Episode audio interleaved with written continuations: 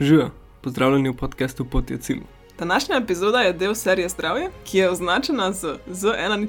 Če imate po koncu poslušanja željo slišati še kaj podobnega, poiščite to oznako pod preteklimi podcasti. Uživajte v današnji epizodi. Dobrodošli. Dobrodošli. V podkastu danes nadaljujemo zdravstvene debate, tokrat navdihujoč podcast o depresivni temi. Namreč govorimo o anti-antidepresiji, oziroma malo se bomo pogledali depresijo. Ja, pa antidepresive. A imaš kakšno besedo v svoj zagovor za povedati, Hmm. preden začnemo? Kakorkoli je to ena depresivna tema, moram reči, da sem jaz zelo strastna glede tega. Tako da to je dejansko, mislim, da je ena od mojih najljubših tem v medicinskem svetu že od nekdaj. Tako da se res globoko veselim tole in zdaj deliti z vami. Odlično, pa kar pojdimo.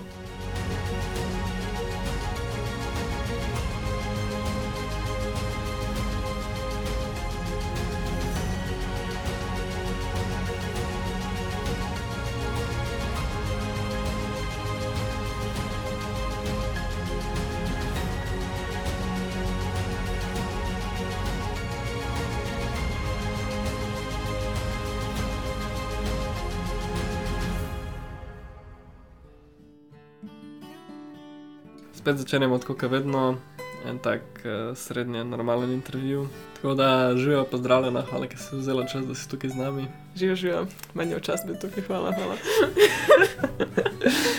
Ok, sprav depresija, mislim, da ima tako en tak eh, zelo svoj status v tej družbi.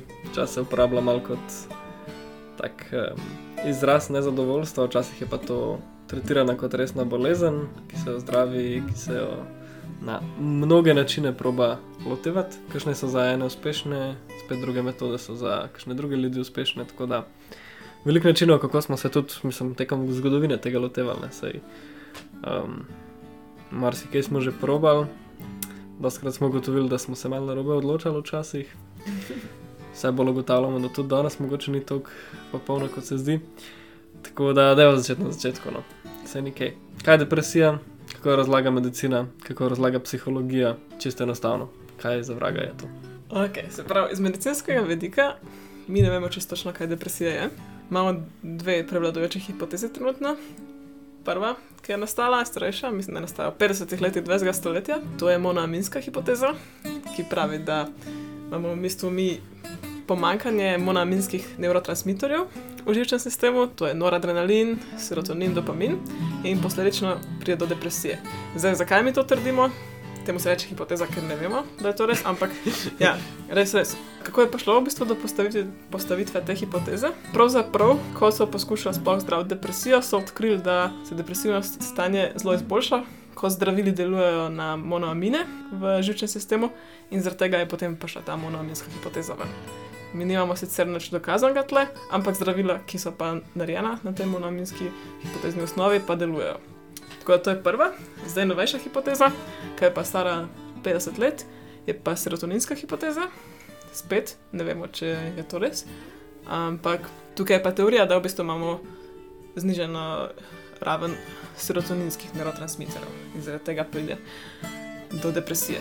Zdravila so spet potrdila, da je to res, ampak nismo pa dokazali nič. Dve trenutno najbolj zastopani skupini anti- antidepresivov, ki jih uporabljamo, sta v bistvu sestavljeni na teh dveh hipotezah: monoaminski in serotoninski. In to je to, kar medicinsko dejansko depresija je. Če pogledamo psihološko, se pravi, kaj? Bolezen, ki jo zdravimo s temi zdravili. Ne, ne, ne, Ja, sem prav slišal. to je res, ampak to je bolezen, kjer imamo znižene raven monoaminov oziroma zniženo raven serotoninov. Okay, monoamin je tudi serotonin, tako da v vsakem primeru zniženo raven serotoninov, lahko pa še ostalih. Ampak pa imaš kaj, v bistvu to znižano raven in to je to, pač noben ne pove. Mislim, vse to sem glih pred kratkim bral, pač noben zares ne pove, neke sinapse so okvarjene, oziroma neki predeli so preveč ojačani, ali pa ena polovica možganov je bolj evolucijsko ali pa naključnostno pri nekomu razvita malo bolj in je bolj nagnjena k temu prevzetemu pogledu na svet, kot svet je strašen, pa Mm. svet je nevaren ne? in potem z istimi stimulusi ljudje pač z drugimi možgani to interpretirajo kot depresijo, medtem ko so drugi lahko srečni. ne. Tako da, imamo kaj tazga, mislim, imamo ugibe, ampak kaj je kaj dejansko potrjenega. Kot jaz vem, nimamo nobene zares teorije. V teoriji imamo. Mislim, ne, nobenega, ja, imaš prav. Nimamo nobenega zares dejstva, zakaj dejansko pride do depresije. Mhm. Tako kot si ti rekel, teorije imamo. Teorija so tudi, da je gensko. Vem, seveda je ta teorija potem, da zaradi travme nastanejo depresije. Večinoma ljudje, ki imajo veliko travm v otroštvu, pridejo Mhm. razvijajo depresijo in tako naprej. Ampak večinoma nič od tega ni dokazano. Pač, Mhm. kot jaz vem, dejansko nič ni dokazano od tega. Okay, okay. Imamo pa ja. veliko idej, kaj bi to lahko Pa bilo. imamo vse, kar imamo, je samo to, znižene ravni tega in čau. Ja, pa še to je hipoteza, veš. To je A, uj. Nič ne vemo za res. Depresija je tako zelo v zraku. Načeloma je zelo tako, ni niti tako d- oprijemljiva. a ne. Ker če ti zdaj povem, kako psihološko mi definiramo depresijo, v bistvu depresija je stanje slabega počutja, slabe samozavesti, eh, znižane energije, utrujenosti in pač posledično znižane kvalitete življenja. In mi imamo tudi v medicinski praksi to tako deluje, da imaš ti devet markerjev, ki jih iščeš, ki so znaki depresije, in če človek ima pet od teh, Mhm. potem to mi označimo kot, ok, ta človek ima pa, ja, ta človek ima pa depresijo. Mislim, stvar je v tem, depresija je malo taka triki, ker slišiš se kot nekaj, kar bi lahko psihiater rešiti, Mhm. ampak v resnici pa to zgleda tako, da ti lahko osebni zdravnik predpiše zdravila za depresijo. Tako da tudi osebni zdravniki to delajo. Ampak ne, tle sploh, ne, ne se tle sploh slepiti, niti slučajno, tudi če ti prejš psihiatru, tudi on nima eno uro, da s tabo govori. Vsem bo govoril, ne vem, 11 minut s tabo in na 11 minutah se ne moreš odločiti. 11 minut je glih dosti, da predpišeš zdravila, ni dosti, da ti dejansko kaj zdraviš. a Ker se mi zdi, tudi to je dobro vprašanje. Veliko ljudi ne ve, kaj je razlika med psihiatri in psihologi. Ja, da je udar. Super. Psihiater je dejansko zdravnik po poklicu. To je nekdo, ki je končal medicinsko fakulteto in se je specializiral kot psihiater, se pravi zdravnik za umske bolezni. In to je človek, ki ima v bistvu dovoljenje, da predpisuje zdravila in dela s, kem, pač, s kemikalijami na pacijentih. Medtem ko Mhm. psiholog, psiholog pa je končal psihološki študij in dejansko ne sme predpisati zdravil. Psihološka terapija pa zgleda na način pogovora, raziskovanja duše, travm, zgodovine. Ce- Ja, no, cel fra- struj, fr- fr-. Freudov, Jungov svet je to. Ja. Mislim, Freudov Jungov je ena, ne, to je ta psihoanaliza, Ja, no, to je v, res. ki ima predpostavko, da je iz... Od, Ful dobro sem slišal napisano. Um, Freudovsko oziroma psihoanalitično predpostavljamo, da je otrok oče svoje odrasle podobe. Ok, samo da dojem. Otrok? To pomeni, da travme je oziroma... oče Wow, ok, razložili. razumem.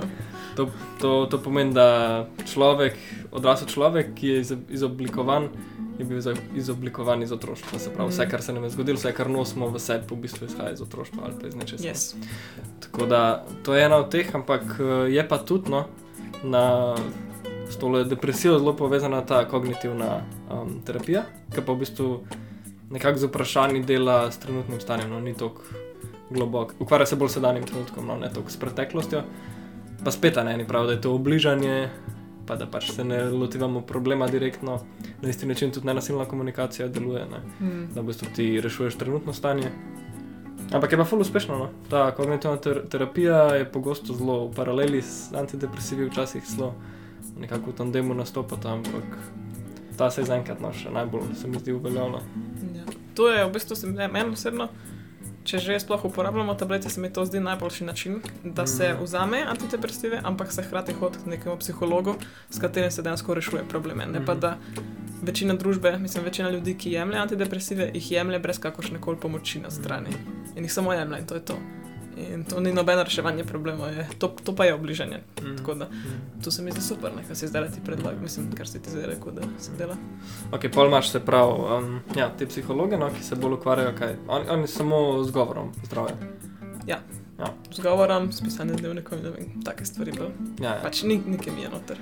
A, spada zraven tudi to tripanje, se pravi, journeying, a, to potovanje v podzavest, tako da recimo na bodi si šamanski ali pa na nek tak zelo, um, a veš, ona lepa muzika, Ja, ja, pa ne en, vem. en star gospod. hipnotizija. Ja, ja, hipnoza Ja, pa je. hipnoza, to. ali pa tudi brez tega, samo en starejši gospod z mehkim glasom te pele Mm. korak po korak v tvoje podzavest. Je to, to del tega?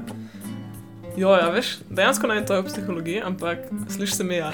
Sliši se mi, da obstaja vrsta psihologov, ki dela točno to. Gotovo, gotovo. Ja. Tako sigurno so ljudje, ki to delajo, ampak ne vem pa. Ne vem pa. Okay, okay. Psihiatri so pa pač tako zaposleni v bolnici. Ja, ja, psihiatri so zdravniki. a ima Pa kao- v umskih bolnicah so zaposleni, pa v navadnih bolnicah. A ima kavč v svoji pisarni? Ej, ne vem. Nažalost, na srečo še nikoli nisem na tem. Ampak, če četrtem letniku faksa greš, ja. Ne, to je ta razlika. prav cool. Ok, ja, in zdaj bi jaz sam še naštela. Za čist konc te razlage, kaj je pa teh devet markerjev, ki dejansko določa, da je nekdo depresiven. Da pač vsi vemo, o čem se zdaj tle govori, s čem se depresija zares definira. In to so slabo počutje, izguba interesa, zmanjšan apetit, spremembe spanca in, aktivnost, in tudi spremembe aktivnosti, potem utrujenost, občutke krivde in praznine, slaba koncentracija in pa obup samomorilnost. Zdaj, to so, mi imamo pet od tega, da lahko nekoga označimo kot da je depresiven. Zraven tega se potem ponovadi pojavlja še nizek libido, slaba samozavest in tako naprej. Veliko stvari se pojavlja. Ampak vse te stvari, praktično, ko se pojavljajo, ti nekako znižajo, znižajo motivacijo za živeti, pa užitek v življenju.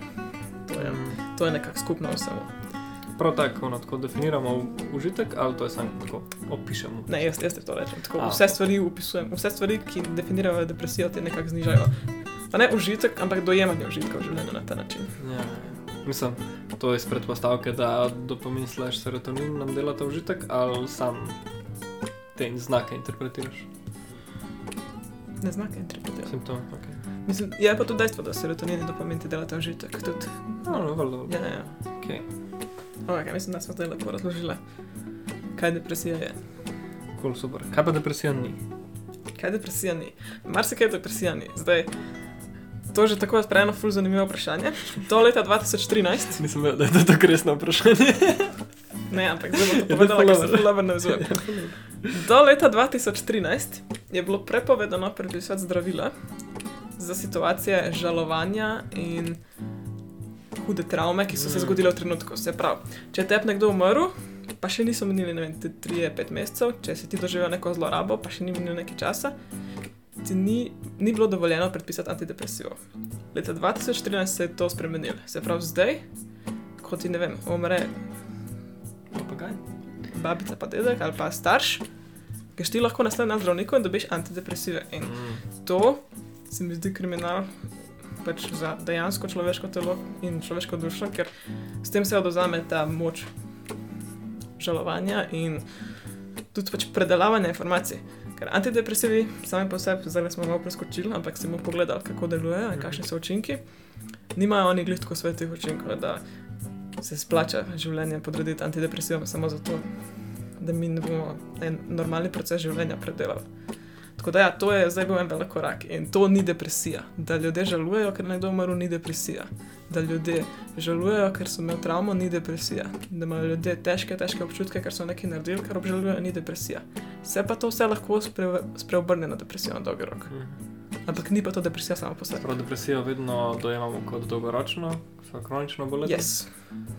To se pravi, a imaš lahko ti te znake, ki si rekla, a mora to veljati, da si imel v zadnjih dveh mesecih več kot 56 dni ali kaj? Mm. Ali... Ne, super, super vprašanje. Ja. To gledamo dolgotrajno, se pravi, ampak medicinsko, po moje, če, se jaz prav spomnim, po moje se prav spomnim, je več kot dva tedna, da, da si v takem počutju, Mm. mm. to se že lahko definira kot depresija.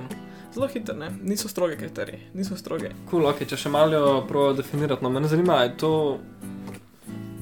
tako moderna bolezen. Se je to vprašanje malo tako čudno, ker pač vemo iz literature, poezije, kaj vse da to, ta že splin, recimo, je zelo depresija, ne pač 19. stoletja ali kdaj je bilo to napisano. ne. Ta eh, splin, ki ga je Byron opi- opisal v svojih pesmih, no ne kako se to v slovenščino prevede. Uh, to brez emocionalno stanje, obupa, mm. ne kva. Um, ampak ja, no, se pravi, neki sto let, ajde to vzamemo, ampak uh, po drugi strani so tudi ne, rimski pisatelji, pa pesniki, pa še prej, ne, so pisali neki, ki bi mogoče, ne vem, po kakšnih, um, to, da so jih na robe obtožili, ali pa da so jih na smrt obtožili, ali pa to, da je kakšna ženska ni bila zvesta, ali pa da ne, kar kjerkoli nesreča je že prišla. Bi mogoče lahko danes opisali tudi kot depresijo, tako da bi rekla, da je to tak modern pojav ali samo moderna klasifikacija. Jaz bi rekel, da to sigurno obstaja, že dolg. Se pravi, sigurno se je najdel nekdo v rimskih časih, pa čez cel srednji vek, je bil depresiven. Je pa to definitivno za me moderna bolezen, ker danes je pa v totalnem porastu iz dveh razlogov, ker dejansko je vse več ljudi depresivnih in ker se vse več ljudi definira depresivnih, ne glede na to, ali so ali niso. In mi danes res vidimo, mi, mi smo tako populacija depres, depresivnih ljudi na nek način, Mhm. kar je kar tragedija samo po sebi.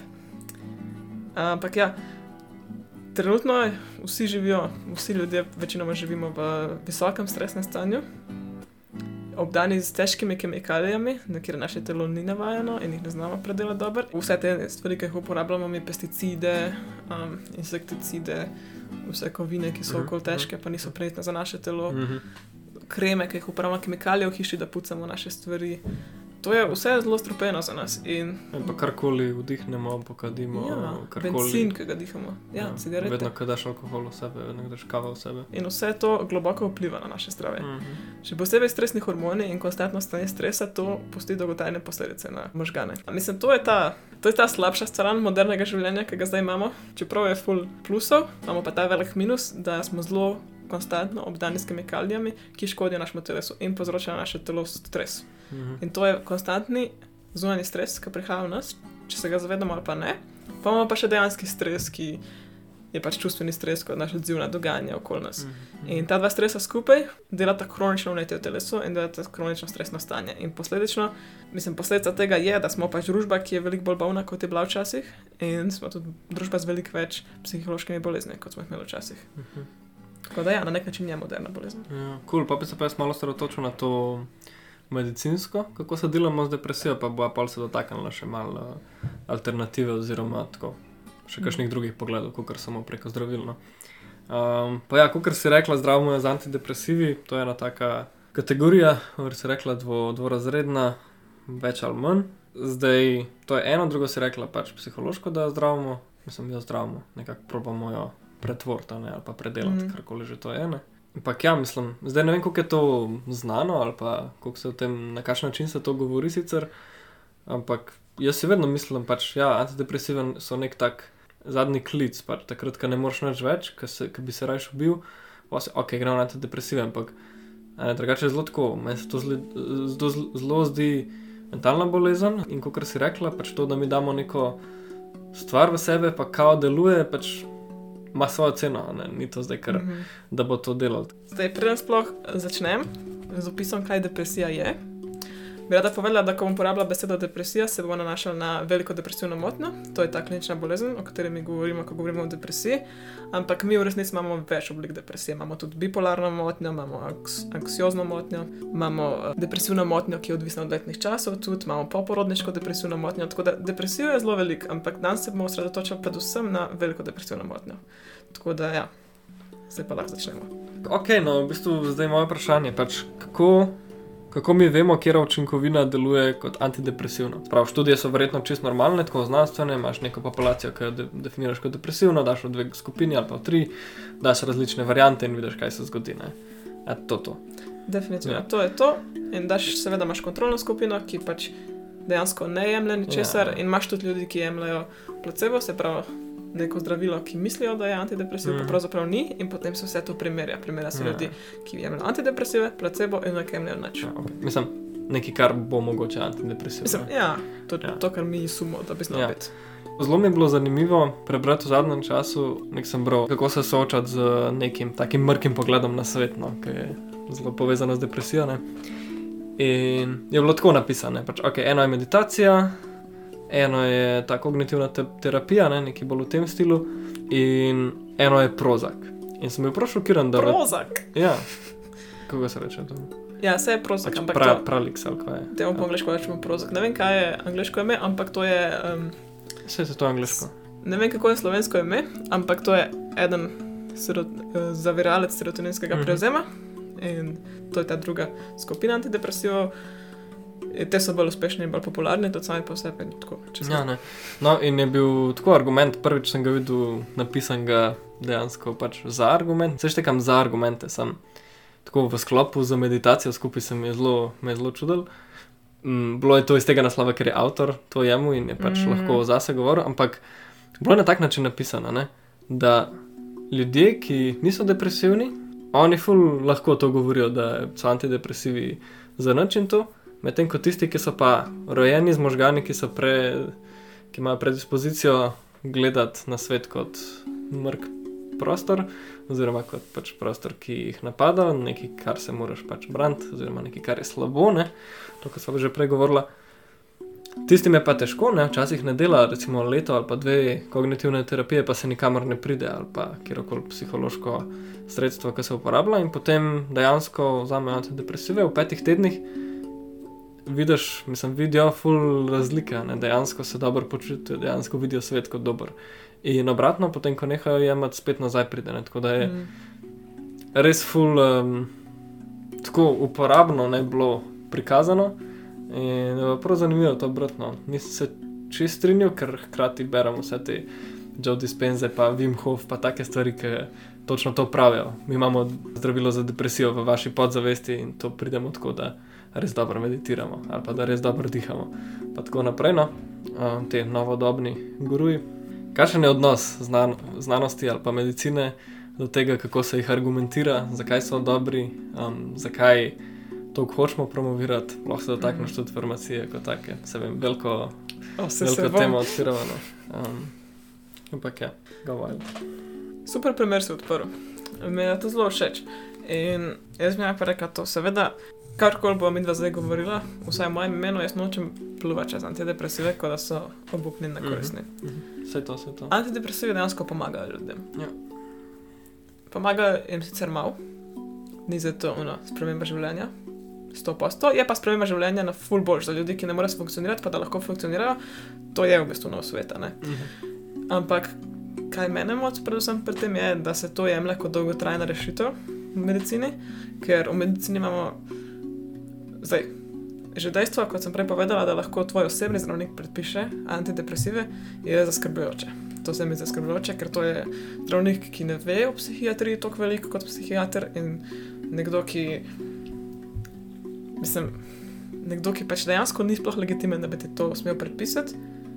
Zraven tega pa ti lahko, ti lahko tok stvari kot depresijo definiraš, pa ni sploh depresija, ampak je vem, težave s čitnico, pa se pač pojavljajo na tak način kot depresija, težave zaradi glutena. Pa noben ne gotovi, da imaš, da imaš celiakijo, pa je to depresija. Mm. Ja. Kaj pa recimo avtoimune bolezni?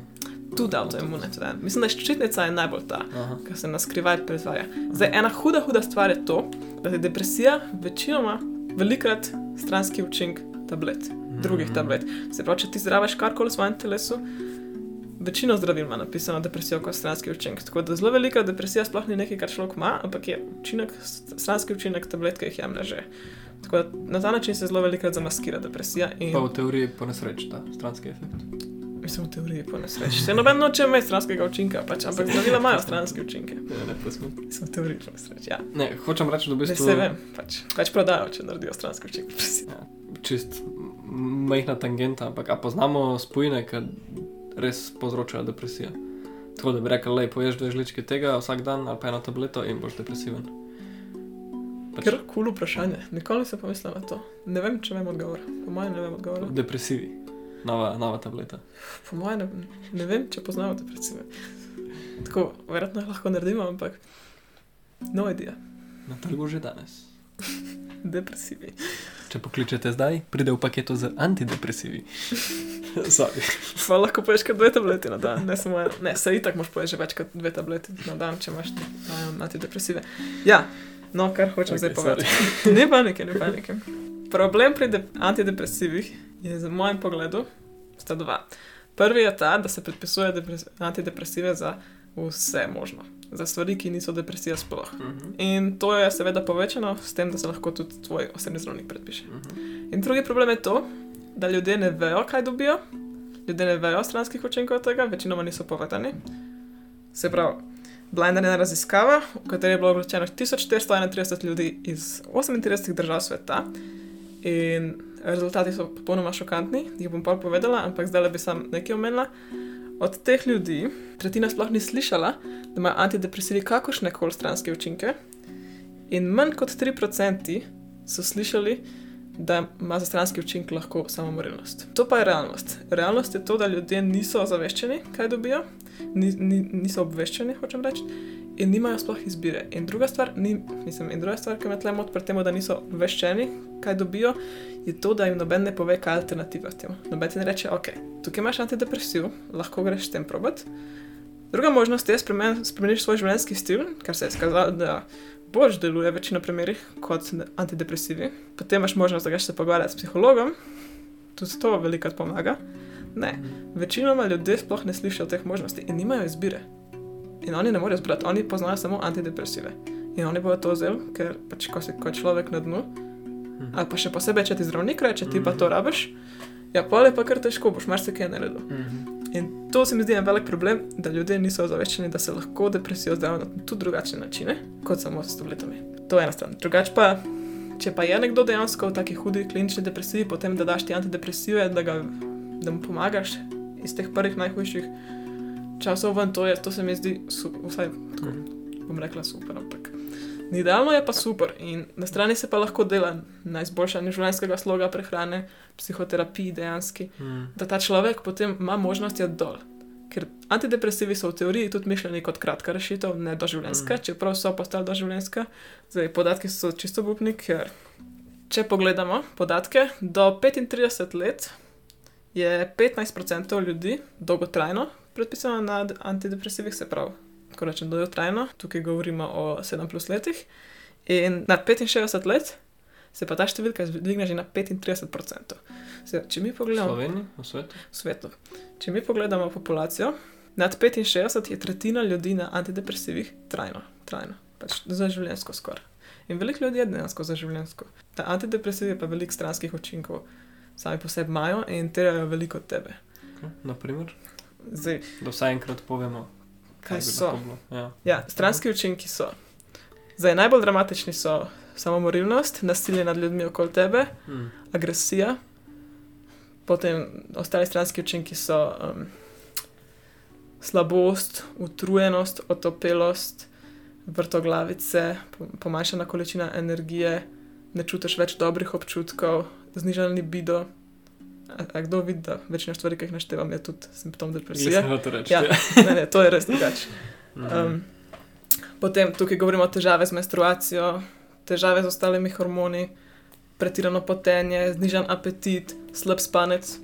Spet, a kdo vidi, da vse, kar naštevam, so simptomi depresije. In to so, ja, to so v glavnem, to so težave, ki jih imamo. Največje težave, kot na začetku našteto, je to, da je dejansko ta droga zelo nasilna. Rečem droga, ker je tudi zelo odvisniška, tega se še nismo dotaknili, ampak Mhm. Antidepresivi so zelo odvisniški in je težko je iz njih.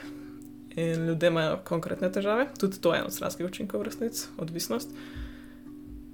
Ampak ja, problem je, da pride do tega, da nekateri ljudje postanejo fully nasilni. In je veliko, veliko, veliko poročil, um, kako so ljudje ubili koga ali pa naredili teroristične napade na, na teh drogah. Pač, ampak stvar je v tem, da to je. Ponavadi se to tako interpretira. Ja, to je nekdo, ki je bil itak psihopat, pole šel pa antidepresiv, vse normalno, da je nekoga ubil, če je bil psihopat. To je zelo tak argument. Ne? Lahko ga iz kar, za karkoli pa vlečeš iz rokava. Ja, ja. Zraven tega pa še ta samomorilnost, se pravi, da ljudje si vzemajo življenja. Zdaj, zanimiv podatek je ta, da leta 1999, od leta 1999 do leta 2013, se je uporaba antidepresivov dvigala za 117%. Zraven tega smo pa mi doživeli 240% porast samomorov in nasilja nad drugimi v tem istem času. Kar je čisto grozen podatek. No. Tako da je veliko študij narejenih na to, V svetu? v svetu. Veliko študij je narejenih na to, ali antidepresivi povzročajo nasilje in je to zelo potrjeno. V resnici antidepresivi veljajo za eno top desetih zdravil, ki povzročajo nasilje človeku. Kar je pa zelo zamaskiran podatek, se mi zdi, da se tega nikoli ne sliši, čeprav so v top 10. Ok. In zdaj bi nadaljevala s tem, da dokončamo na študijo, Mhm. kaj so poročali ljudje iz celega sveta.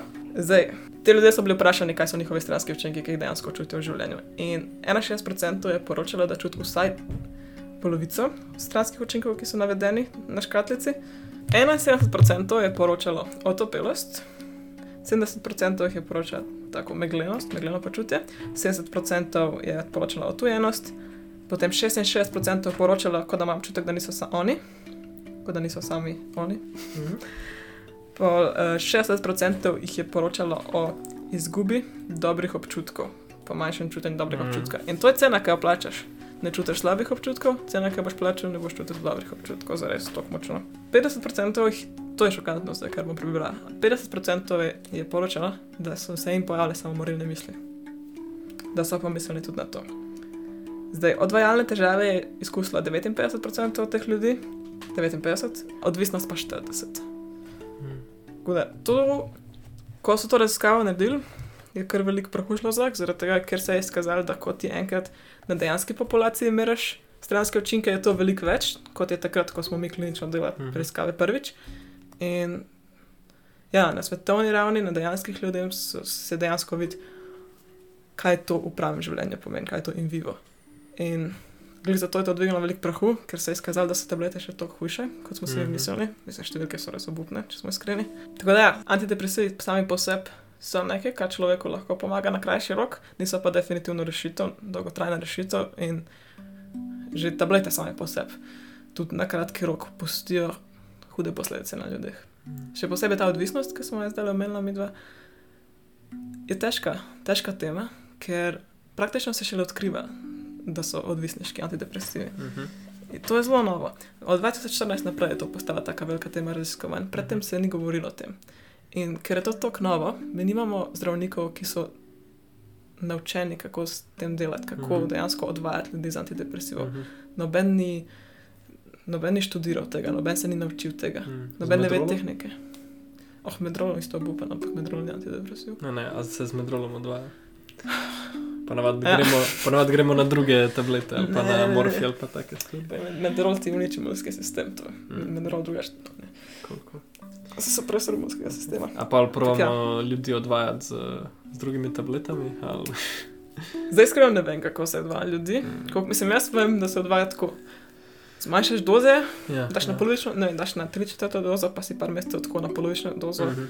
par mesecev tako na še, oziroma mogoče po en mesec. Mhm. Ne vem, koliko je za doba in tako le manjšaš. In šokantna je pa ta stvar, da ko pa nehaš biti na antidepresivih, pa moš imeti tako pol leta obdobje brez čustvenih pretresov, Mhm. ker te lahko tok vrže ven iz tvojega miru notranjega, da boš rabo antidepresive spet.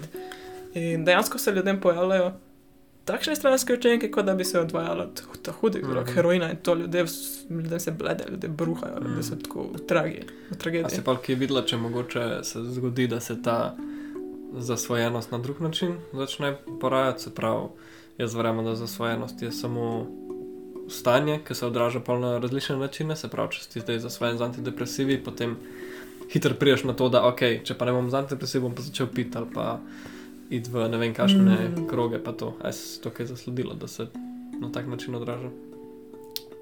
To, kar se imenuje, mi zveni logično, ampak ne morem ti reči, da sem kjerkoli okay. to najdla študijo, ki bi to potrebovala, ali pa kaj, tako da ne Cool, cool, pa, pa načnemo o tem. Ja. Um, me pa zanima, no, če lahko deliš še tisto zanimivost um, samomori, ki grejo ravno, ravno pred rešitvijo, te spet povlečejo dol.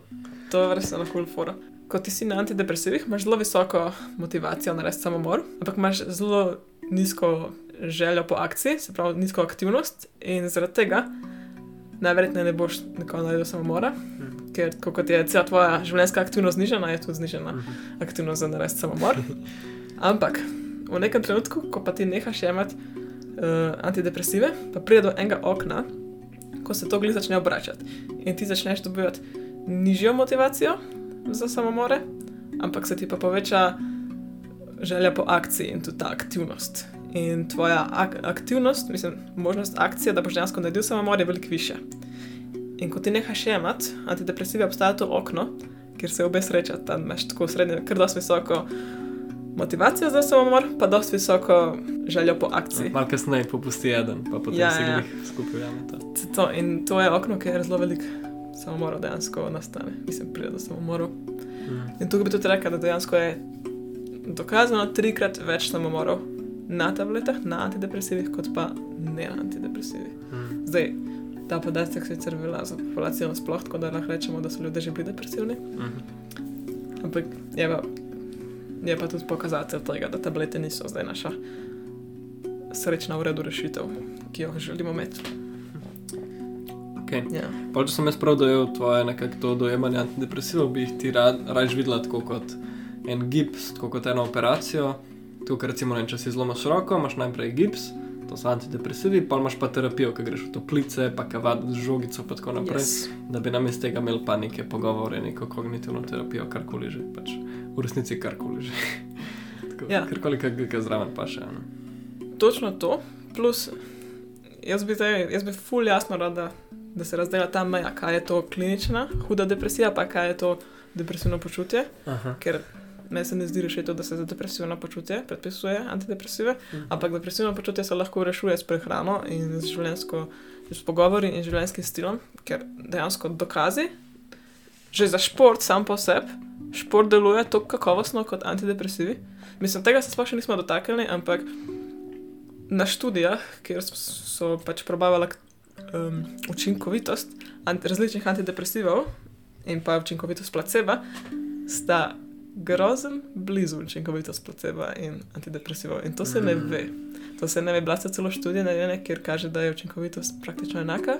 Odvisno, kje študijo pogledaš. Marsikaj študije najdeš, ampak nikoli ni velik. To je fora. Ni, ni zevno, da imamo mi placebo ima tok mal, on ima pa ogromen. Ne, sta dost podobno. In za drogo, ki ti tok malo več pomaga kot placebo, pa imaš tok stranskih učinkov, Mhm. To pa, ni, to pa je treba že pretehtati, da je to sploh vredno da človeku. Sprav za moje mnenje mora biti človek v res takem obupnem stanju, da mu daš antidepresiv, da je vredno vseh teh stranskih učinkov. Ker če ni, imamo dokaze, recimo, študije so bile narejene za šport, sam po sebi, pa deluje bolj kot antidepresivi. Škere storiš. Mhm. Dejansko nimam nobene napisane tle zraven sebe, ampak vem pa, da sem jih prebrala že kar Mhm. vsaj tri. Prehrana. Prehrana totalno lahko spremeni antidepresijo, ker zdaj se pojavljajo tudi neke ideje, da depresija je samo vnetje možganov Mhm. in možgani ne čutijo, ampak možgani, možgane mi ne moramo čutiti, kot lahko čutimo, ko imamo vneto roko, recimo. Ampak se pa to vnetje kaže v obliki depresije. In spet to je teorija, mi ne vemo, če je to res. Je pa ta teorija, verjetno je prišla do teorije, to ne vem, ampak definitivno ta teorija podpira em, dejstvo, da ko ljudje spremenijo prehrano in s tem zmanjšajo vnetne faktorje v telesu, nehajo biti depresivni. Tako da tukaj je toliko stvari, toliko idej, na, na katerih se lahko človek ter, eh, depresije loti. Plus, da je dokazano, da ljudje, ki so depresivni, so ponovadi imeli travme v otroštvu in to hude travme, in več vse psihološke bolezni so praktično povezane s travmami v življenju. Mhm. Res. Tako da več kot 90% jih imamo povezanih s travmami in že samo, da bi se sploh šlo rešiti to travmo, bi bil en ogromen korak. In mi tega ne delamo. Včasih delamo, ja, ampak večinoma tega ne delamo. In to je ta tragedija, ki se dogaja. Jemljemo tablete, ki nimajo ne vem koliko dobro učinkovitost, za zelo visoko ceno, s tem, da noben ne ve, kaj so druge alternative, ki jih lahko sprobaš. In Mhm. Seveda potem nekdo reče, ja, te tablete so super, rešile so moje življenje, marsikatero življenje rešijo. In to je prekrasno. In Meni se zdi super, uno, ko ljudje rečejo, lej, jaz sem šel za pet mesecev na antidepresive, zraven sem se zdravil še s pogovori in življenjskim stilom, in zdaj nisem več na antidepresivih Mhm. in sem super. Še bolj super je, če niti tega ne rabijo, ampak že to, da se to zgodi, da gre po pet mesecih dol, ker pet mesecev ni še taka doba, da postaneš zares odvisen, mačken. Že to je tako ogromen korak, tak, to bi bilo idealno. idealno. In, časih, in take primere imamo, seveda, v družbi, ampak ni pa to normalno. Ni pa to, to kar največkrat vidiš. Mhm. Tudi mogoče to, kar si omenil, ja, ti si rekel prej, po enem, po petih tednih vidiš izboljšanje v svojem počutju, ko jemliš antidepresive. To je zanimivo za moment, ker antidepresivi sami po sebi rabijo ful časa, da primejo. Glih zaradi te svoje odvisniške ak- aktivnosti. Mora najprej priti do tega, da se Mhm. malo navad celo, postaneš odvisen, pa bojo pa šele imeli učinke. Tako da se res pokažejo po enem mesecu šele. Mhm. Ja, saj ta, ta tipo ne je rekel, da je nehal jemati zato, ker je izgubil spomin. Ni se več Mm. mm. spomnil imen ljudi, oh. pa krajev. Pa, tako. tudi ljudi, ki tudi stvari, ki je dobro poznal, ne pa ljudi. pa tako. Zanimivo, da to rečeš, ker Prozak je tableta, ki ima absolutno največ pridošb na FDA, se pravi na Mhm. za tole federacijo za, ja, Ameriško federacijo za zdravje in hrano. Mhm. Ima več kot 40 tisoč pritožb glede stranskih učinkov in nobena druga, pač nobena tableta nima nič podobno, tako poltok nimajo. Tako da prozak je res sranje. Pač vse pomaga, ampak je sranje. In prozak je ta NSSRI, ne? kar pa tudi bi, to, kot sem prej rekla, te SSRI, to je v bistvu selektivni zaviralec ponovnega prevzema serotonina. Rečemo jim SSRI, ker je po angliško to kratica. Mm. In oni delujejo tako, da downregulirajo prevzemanje um, serotonina, na kar se v nekem trenutku celo navadijo na to, zato izgubijo svojo moč in nehajo delovati kot antidepresivi. Z- Delujejo zaradi tega, ker ponavadi tvoji kanalčki prevzamejo serotonin ven iz nevrotransmiterskih uh, sinaps, mislim, iz sinaps, ker so te nevrotransmiterji ponavadi in potem jih ni več na voljo. Ampak, če jih pa ne prevzamejo kanalčki nazaj vase, da jih razgradijo, so pa ostanejo tam in so na voljo. In to, kar ostanejo tam, jih lahko pač mi uporabljamo še in še, Mm. in je super. Ampak, ko se enkrat telo navadi na te tablete, ko nekaj časa mine, pa nehajo, pač to ne deluje več tako in se potem spet serotonin prevzame nazaj v kanalčke, mi nimamo več dovolj neurotransmiterja in kaj se zgodi? Tablete nehajo, izgubijo svojo učinkovitost. S tem, da stranske učinke še vedno imaš. A pa se nove predpiše? A, Ja, več se jih predpiše. pač. Pa pa nove, pa pa kombinacija novih, Mhm. vse možno imaš. Vse je več polka, te serotoninske ne delajo, greš pa lahko na monoaminske. Je pa res, da serotoninski so veliko bolj, veliko več se jih predpisuje. Mhm.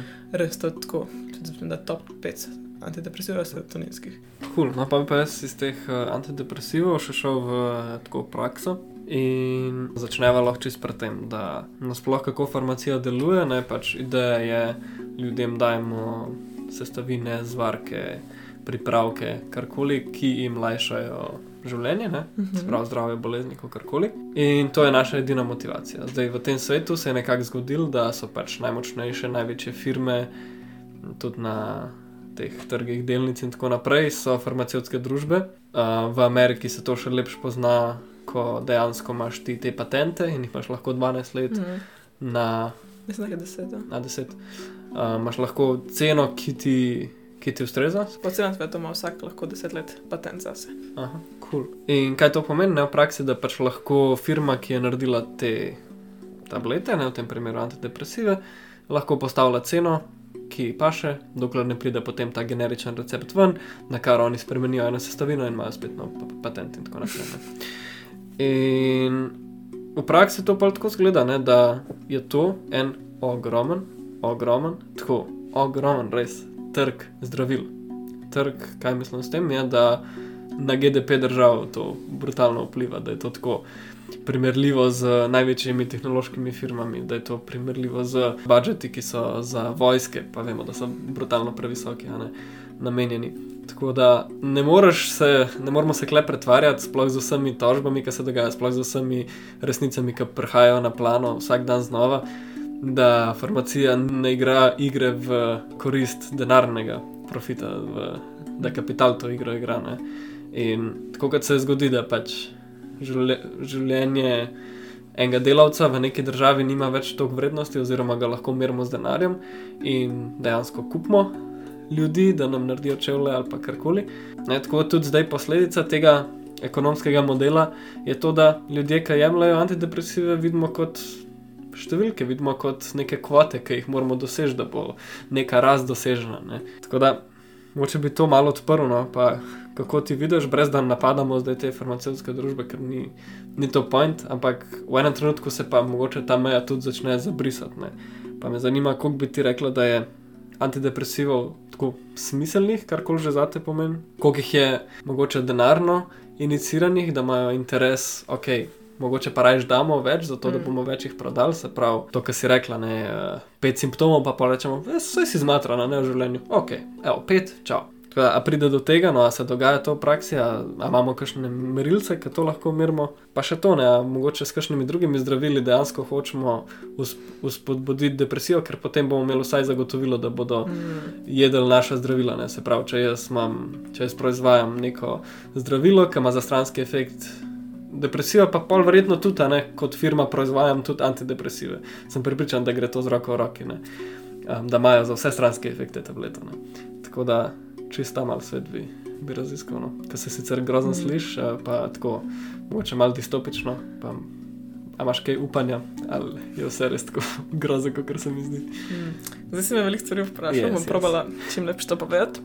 Zdaj začela bi s to eno študijo, ki je bila izvedena, glede tega, ko si omenil pet stvari rabiš, da si določen, da si depresiven Mhm. mm -hmm. od devetih. In je bilo res pogledano, eh, vprašano, kaj vse, kako so se ljudje počutili. Ne spomnim se števila ljudi, ki so sodelovali v tem in bila narejena samo v Ameriki, ampak se je skazalo, da več kot dve tretjini ljudi niso imeli pet simptomov. Se pravi, oni sploh niso bili klinično določeni za depresijo. Tukaj se že vidi, da se depres, depre, antidepresivi uporabljajo tudi tam, kjer se jih načeloma niti klinično ne bi smeli, čeprav že klinično je predpisano. So meje, da jih predpišemo tako nizke, še posebej zato, če ti lahko za žalovanje nekomu predpišeš. To so preniske meje, če se mene vpraša. To je en podatek, ki bi ga omenila. Druga stvar je pa, da povedala, koliko se dejansko antidepresivov trenutno jemlje v svetu. Zato je zelo različno od države na državo. V letu 2020, po celi tej COVID situaciji, samo od oktobra do decembra, v treh mesecih, je uživanje antidepresivov narašlo za 6%. 6% v treh mesecih. Tako da Zadnje čase res konkretno narašča to po svetu in niti ne vem, dan danes, kakšni so podatki po svetu, ampak nekako tako deluje, da države imajo okoli te, te visoke, okoli 15, 16, 17%. Nikoli se ne šteje Amerike v teh študijah iz neznanih razlogov, verjetno zato, ker to zmagajo vedno. Ampak drugače pa razen Amerike rekordno število antidepresivov vedno predpišejo v Islandiji, v Kanadi, v Avstraliji. Ja, to so nekakšne države. Velika Britanija tudi. Tudi Francija, Francija ima isto ful velik. To so države, kar veliko antidepresivov gre. Pa imaš pa tudi države, kjer pa gre tako 2-3% na prebivalstvo. Recimo Litva je zelo nizko. Nasploh ta developed svet ima zelo veliko število predpisanih antidepresivov, še posebej pač nerazviti svet nima toliko antidepresivov, nima niti toliko depresije, ker se ne pojavlja depresija, ali jo pa ne merijo, ker ni toliko inštitutov za to, ali pa pač tudi trg tam ne vidi priložnosti za visoke dobičke, ker so to revne države. Vse od tega mogoče. Ampak ja, je to definitivno bolezen razvitega sveta. In zdaj, če se iz teh podatkov, koliko ljudi to dejansko uporablja, pa vse premaknemo s tem k farmaciji. Ja, v mojih očeh je to definitivno najbolj zlorabljena droga, najbolj zlorabljeno zdravilo v farmaciji, ker je toliko velikrat predpisano, predpisano doživljensko, toliko Mhm. velikrat ga ljudje jemljajo na dolgi rok, v kombinacijah drugo z drugim. In stranski učeniki, ki jih antidepresivi imajo, da rabiš 600 drugih zdravil, da ti pomaga. Um, Ekonomsko super. Ekonomsko je to najboljše zdravilo, kar jih obstaja. In stvar je v tem, da ga moraš jesti vsak dan, pa ne enkrat na dan, večkrat na dan. In zato je to super. Okay. Zato je to super, ker rabiš, to rabiš več tablet na dan. ne. To je idealno zdravilo, kdo ne bi hotel na tak način služiti. Pa imaš zagotovljeno ogromno količino prodanih tablet. Še posebej, ena zelo šokantna stvar sem slišala enkrat od ene punce, ki sem jo srečala na potovanju.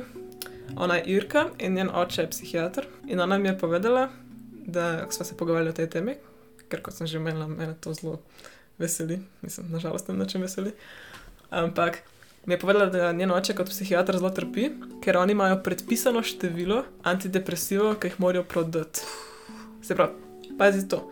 Ti kot zdravnik imaš predpisano vsaj toliko škatlic, moš predpisati ta mesec. Kdo to predpiše? Ja, ne vem, pogo- to je pač dogovor med, farmace med farmacevti, ki ti prodajo neko zdravilo, in pa med zdravniki. Okay, Se pravi, bolnica podpiše to. Ha, bolnica pa nalaga to. Ja, ja bolnic, mislim, vedno imaš oddelek in od, na oddelku, na oddelku Ja, ja, boš imel okej. nekega nadrejenega, ki bo naredil nek. Vsaka država ima to drugače, ampak ponavadi se pač pride do dogovorov med farmacevti in zdravniki, farmacevti in nadrejenimi Mhm. in se podpišejo stvari. Zdaj v Sloveniji mislim, da ni tako, ampak ne morem več soditi, ampak na Irskem je tako, da preprosto morajo imeti neko kvoto, ki jih prodajo na mesec. Mhm.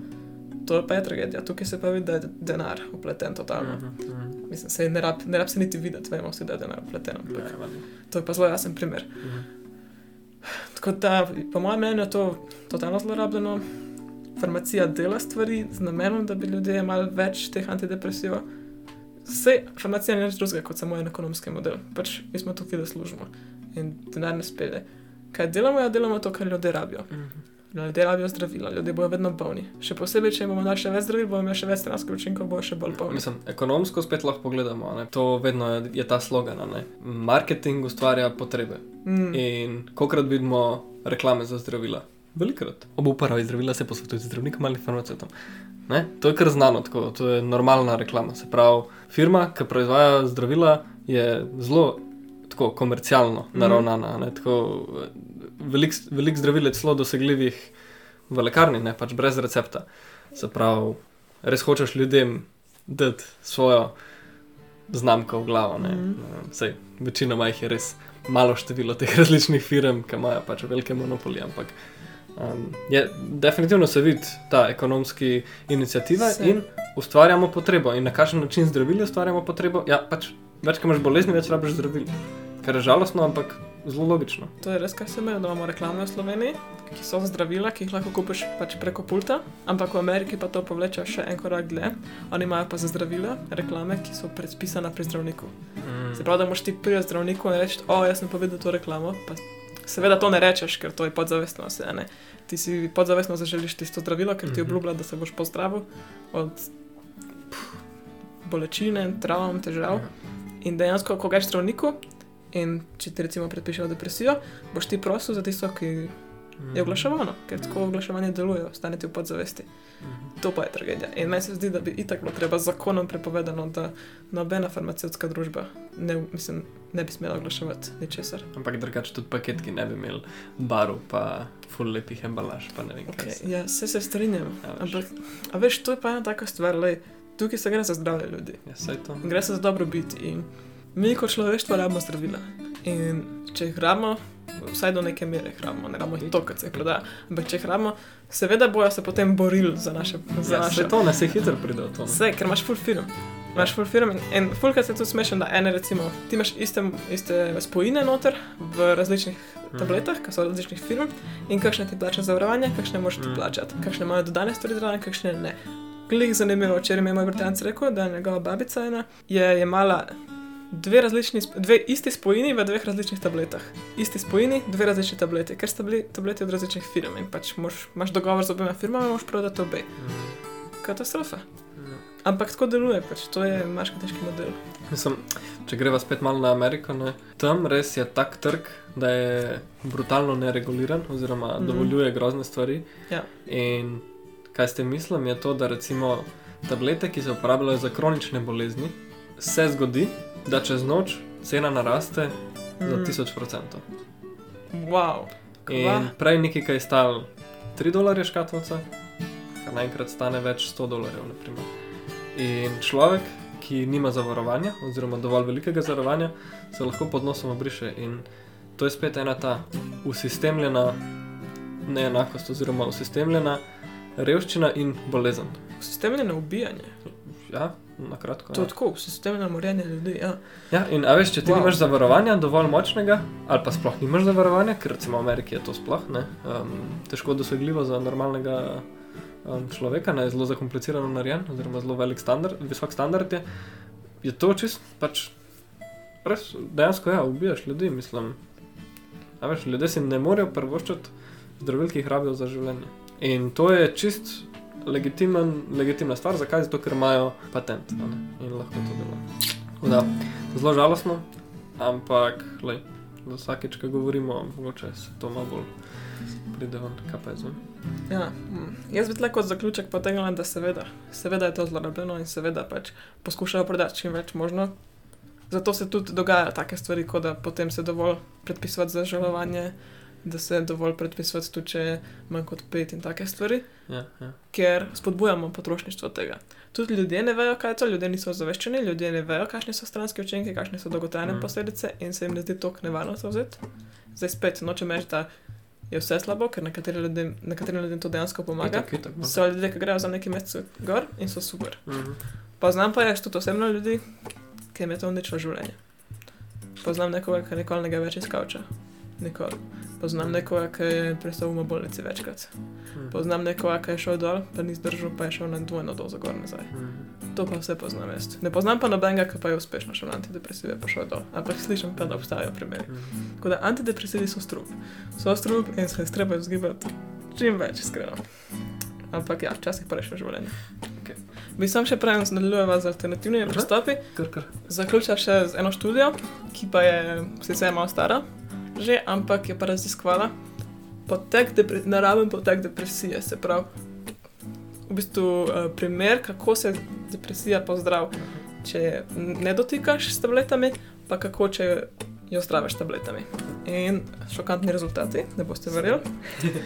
Um, zdaj, študija je pokazala, da se v enem letu od depresije, od ljudi, ki so bili klinično označeni za depresijo, pozdrav 85% ljudi, ki niso na tabletah in samo 15% ljudi, ki so na tabletah. Kot že omenjeno, je ta študija malo starejša, zaradi tega, ker dan danes se več ne financira in spodbuja delanje takih študij. Sprav nobena farmacevtska družba ne želi, da bi se dejansko ugotavljalo, kako se depresijo pozdrav na način, ki ni za zdravili, ki jih farmacija proizvaja. Vedno pa rabiš denar od nekje dobiti. Če nimaš denarja, ne boš drug študije. Cool. Da pa drugače financira te študije, pač pa navadi, ali je to država, ali so to vem, organizacije znotraj državnih organov, ali so to privatni. Ne, študije nikoli, nikoli ne plačuje država.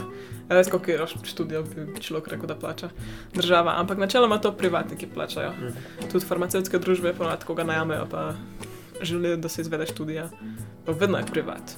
In pol, zato, zato so te študije tudi tako nevarne. Se vemo, da mi vedno rečemo znanosti, da okay, to je dokazano, imamo študije.